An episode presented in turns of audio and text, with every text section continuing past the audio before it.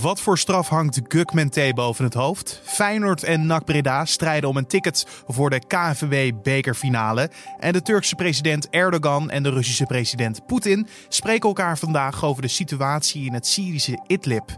Dat en nog veel meer speelt er vandaag. Oftewel, dit wordt het nieuws. Want dan kan Erdogan schermen met het feit dat hij uh, afgelopen week flinke verliezen aan het leger van Assad heeft toegebracht. Terwijl Rusland zich opnieuw kan profileren als, uh, profileren als, uh, als vredestichter. Ja, beide landen lijken iets uit het gesprek te kunnen halen. Of ze dat ook beide lukt, is natuurlijk de vraag. Turkije-watcher Nick Augustijn praat je zo helemaal bij. Maar eerst kijken we kort naar het belangrijkste nieuws van nu. Mijn naam is Carne van der Brink en het is vandaag donderdag 5 maart. Rechters hebben vorig jaar 218 keer TBS opgelegd. Dat is minder vaak dan in 2018, maar nog altijd vaker dan vijf jaar geleden.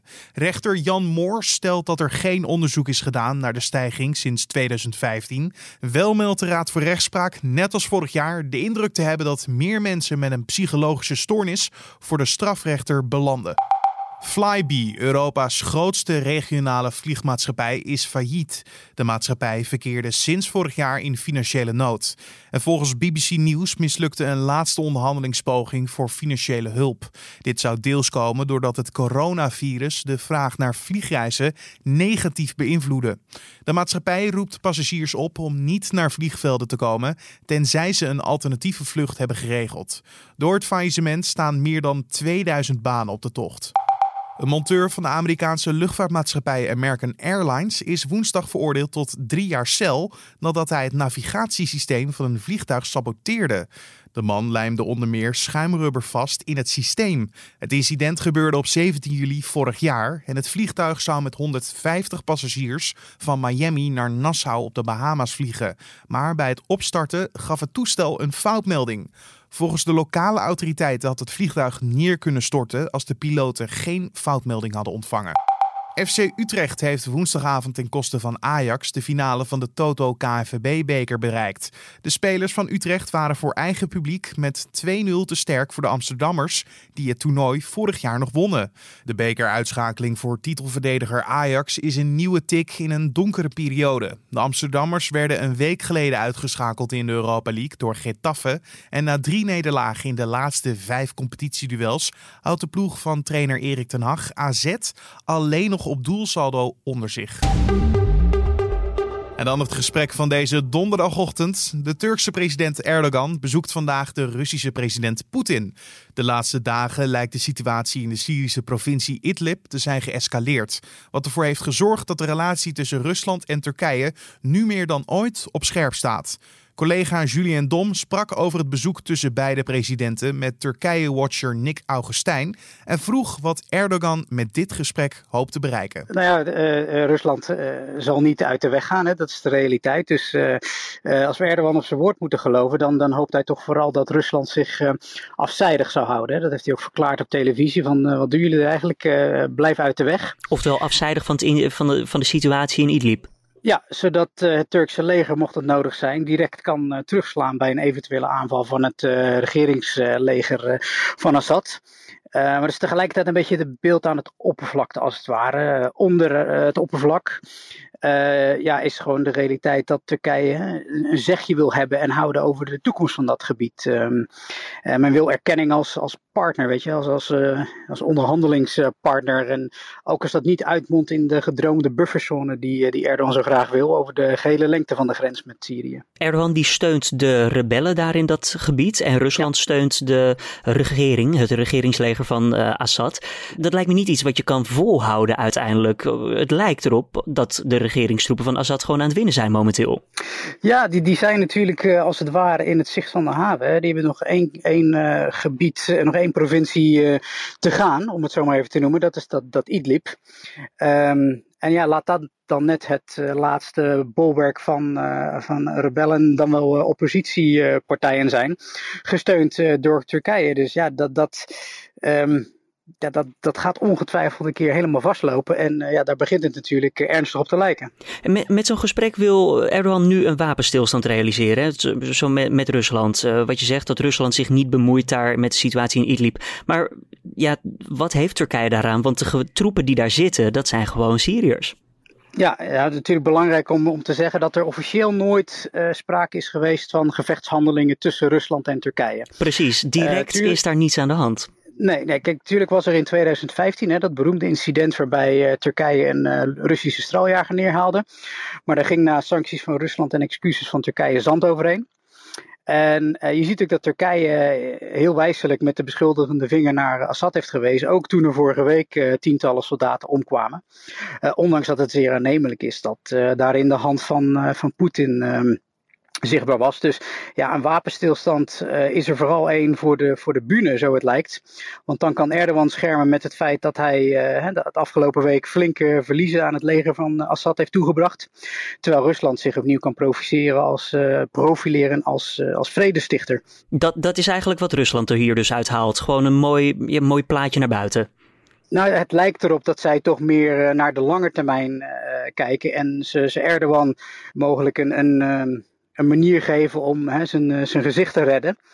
Beide partijen willen natuurlijk gewoon een fundamenteel, fundamenteel andere uitkomst van het conflict. Uh, Erdogan wil vasthouden aan in ieder geval uh, een vorm van een buffer, terwijl Rusland en Assad gewoon ja, de, de territoriale eenheid van, van Syrië willen herstellen.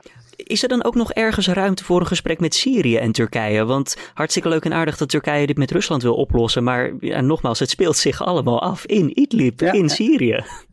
Ja, het is een beetje afhankelijk van hoe de wind waait. Uh, uh, dat klinkt gek, maar ja, Assad en Erdogan die waren uh, in het verleden echt buddies. Die, die gingen met elkaar op vakantie met, met hun vrouwen. Um, maar ja, op dit moment is dat natuurlijk uh, onbespreekbaar, want Assad is uh, anno nu vijand nummer één uh, na die aanval van, van vorige week. Maar ja, als het leger natuurlijk, het Turkse leger, opnieuw in het nauw komt, al dan niet door inmenging van Rusland, ja, dan kan het natuurlijk zomaar veranderen. En dat je als het ware naar de onderhandelingstafel gedwongen wordt, als het ware over in het nauw gesproken, ja, ook met Europa is er inmiddels ruzie. En zo'n spreekwoord, een kat in het nauw maakt rare sprongen, bestaat ook niet voor niets. Heeft Turkije sowieso nog wel iets te verliezen op dit moment, uh, aangezien de onvrede is met beide grootmachten aan beide kanten? Ja, ik bedoel, uh, uh, Turkije moest natuurlijk iets doen, hè, want ja, zo'n zo'n aanval en dergelijke slachtofferaantallen kunnen niet onbeantwoord blijven. Uh, Syriërs in Turkije, ja, daar zag je ook het sentiment omslaan van, van gasvrijheid naar uh, uh, vijandigheid, als het ware. Dus, van, de Turkije, van de Turken naar de Syriërs bedoel je? Ja, en dat, dat werd steeds lastiger om dat ja, politiek vol te houden. Kijk, enige gasvrijheid en, en dan wel openlijke steun is ook een beetje politieke zelfmoord voor, in ieder geval voor diegene in het nationalistische kamp. En wat betekent dat dan nu? Uh, Erdogan heeft dus alleen maar die optie over om een goed plaatje naar buiten te schieten met president Poetin.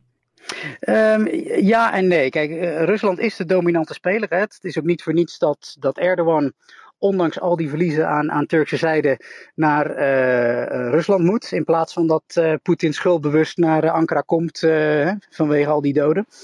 Um, maar toch, uh, Rusland die zal zich toch ook wel een beetje achter de oren krabben. Want ja, die hebben de laatste jaren eigenlijk goede sier gemaakt met, met allerlei wapendeals. Hè. Turkije zelf dat kocht dat S-400 raketsysteem tegen de zin van de NAVO. En andere landen die hebben interesse getoond. Maar stiekem is het Turkse leger eigenlijk uh, tot verrassing van velen eigenlijk heel uh, effectief en ook heel uh, um, technologisch capabel gebleken. Want ze blijken dus de ene na de andere um, radarinstallatie van Assad uit te schakelen met drones. En die blijken dus, ondanks het, dat Russische systeem dat ze daar hebben, ja, heel goed onder de radar te kunnen blijven om die woordspeling maar te gebruiken. Dus uh, het begint zo onderhand een beetje ja, hele slechte PR voor de Russische wapenindustrie te worden. Dus mogelijk dat dat dan nog een, een troefkaart is, maar in the bigger scheme of things. Oftewel, de Turken kunnen met heel weinig toch heel veel uithalen. Zeker, zeker. En, en daar wordt ook uh, ja, uh, heel veel mee gekoketteerd. En uh, die filmpjes gaan volop op social media rond. En ja, daar hebben toch militaire analisten wel hun, hun vraagtekens bij gezet. In hoeverre dat, dat Russische wapentuig wel zo eff effectief is. Ja, en daar haalt Erdogan dan weer zijn populariteit mee naar boven, neem ik aan. ja, want dat gaat erin als zoete koek natuurlijk bij het publiek. Aan de andere kant, uh, ja, Erdogan, wat je al zei, hij heeft toch die draai gemaakt naar Rusland uh, enige tijd geleden. Mm -hmm. Maar heeft hij daarmee dan nu meer kapot gemaakt dan hem lief was? Want hij heeft de relatie met de EU daardoor laten verwateren, op zijn, op zijn minst gezegd. Ja, ja hij, plukt nu de wrange vluchten. Uh, ondanks dat, uh, wat we zeiden, ze maken nu even goede sier. Maar ja, aan de, de uiteindelijke realiteit valt niet te ontsnappen. Ja, er zal een moment komen waarbij Rusland gewoon een hele grote streep in het zand trekt. En zegt tot hier en niet verder. En ja, dat, dat moment kan volgende week zijn. Dat kan over drie weken zijn. Maar het kan ook over een half jaar zijn. Maar dat gaat een keer komen. En in die positie hebben ze zich dan zelf gemanoeuvreerd. En ondanks alles, Erdogan wordt nog altijd niet als de schuldige in eigen land gezien van alle heisa die er is. Nou, kijk, in het nationalistische kamp natuurlijk niet. Daar wordt hij op dit moment op, uh, misschien niet op handen gedragen, maar daar is wel veel lof voor. Uh, in ieder geval de prestaties. Uh, Hoe hij dit allemaal leger. aanpakt, ja.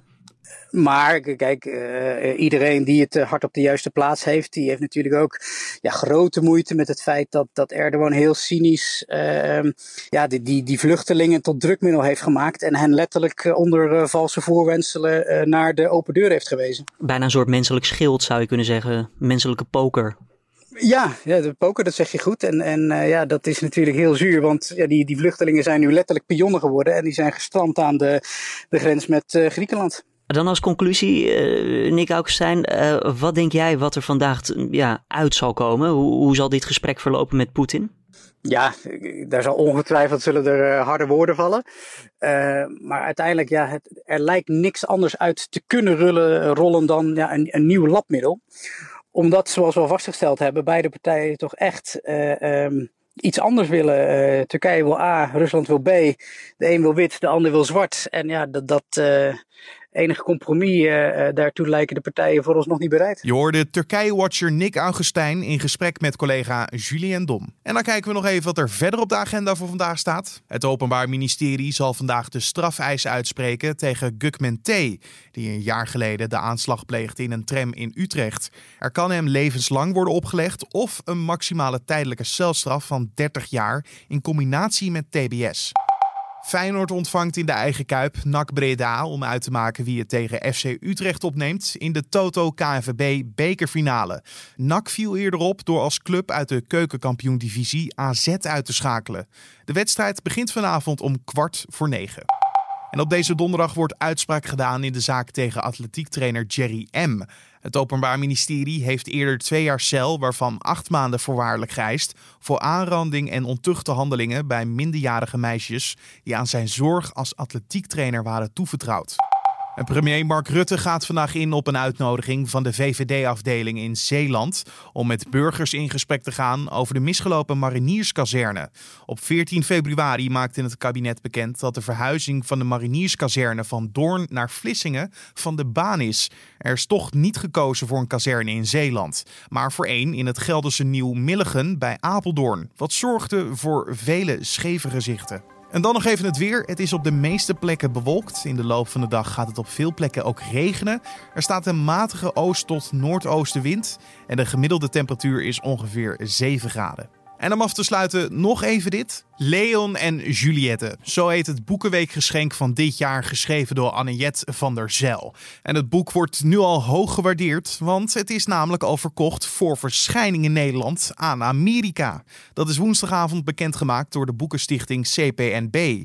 Het boek moet naar verwachting volgend jaar uitkomen in de VS. En het CPNB spreekt over een unicum dat dit heeft kunnen gebeuren. Leon en Juliette is een waargebeurd verhaal over een Nederlandse gelukzoeker die anno 1818 afreist naar de Amerikaanse staat South Carolina en daar verliefd wordt op een slavenmeisje. Het geschreven werk van Van der Zijl wordt tijdens de Boekenweek cadeau gedaan bij de besteding van 15 euro aan een Nederlands boek. En het thema van dit jaar is rebellen en dwarsdenkers. De Boekenweek loopt van zaterdag 7 maart tot en met zondag 15 maart. En dit was dan de ochtendeditie van de Dit wordt het nieuws podcast voor deze donderdag 5 maart. Vanmiddag kan je weer luisteren naar de middageditie, weer een compleet ander verhaal wat wij uitlichten in podcastvorm. Laat ons weten wat je van deze test vindt. Dat er nu in de ochtend en ook in de middag een podcast te vinden is op nu.nl. Dat kan je laten weten via podcast.nu.nl. Dat is ons mailadres. Of schrijf het in een recensie bij Apple Podcast. Mijn naam is Carne van der Brink. Ik wens je een hele mooie dag. Maak er iets moois van. En hopelijk tot vanmiddag of anders tot morgenochtend weer.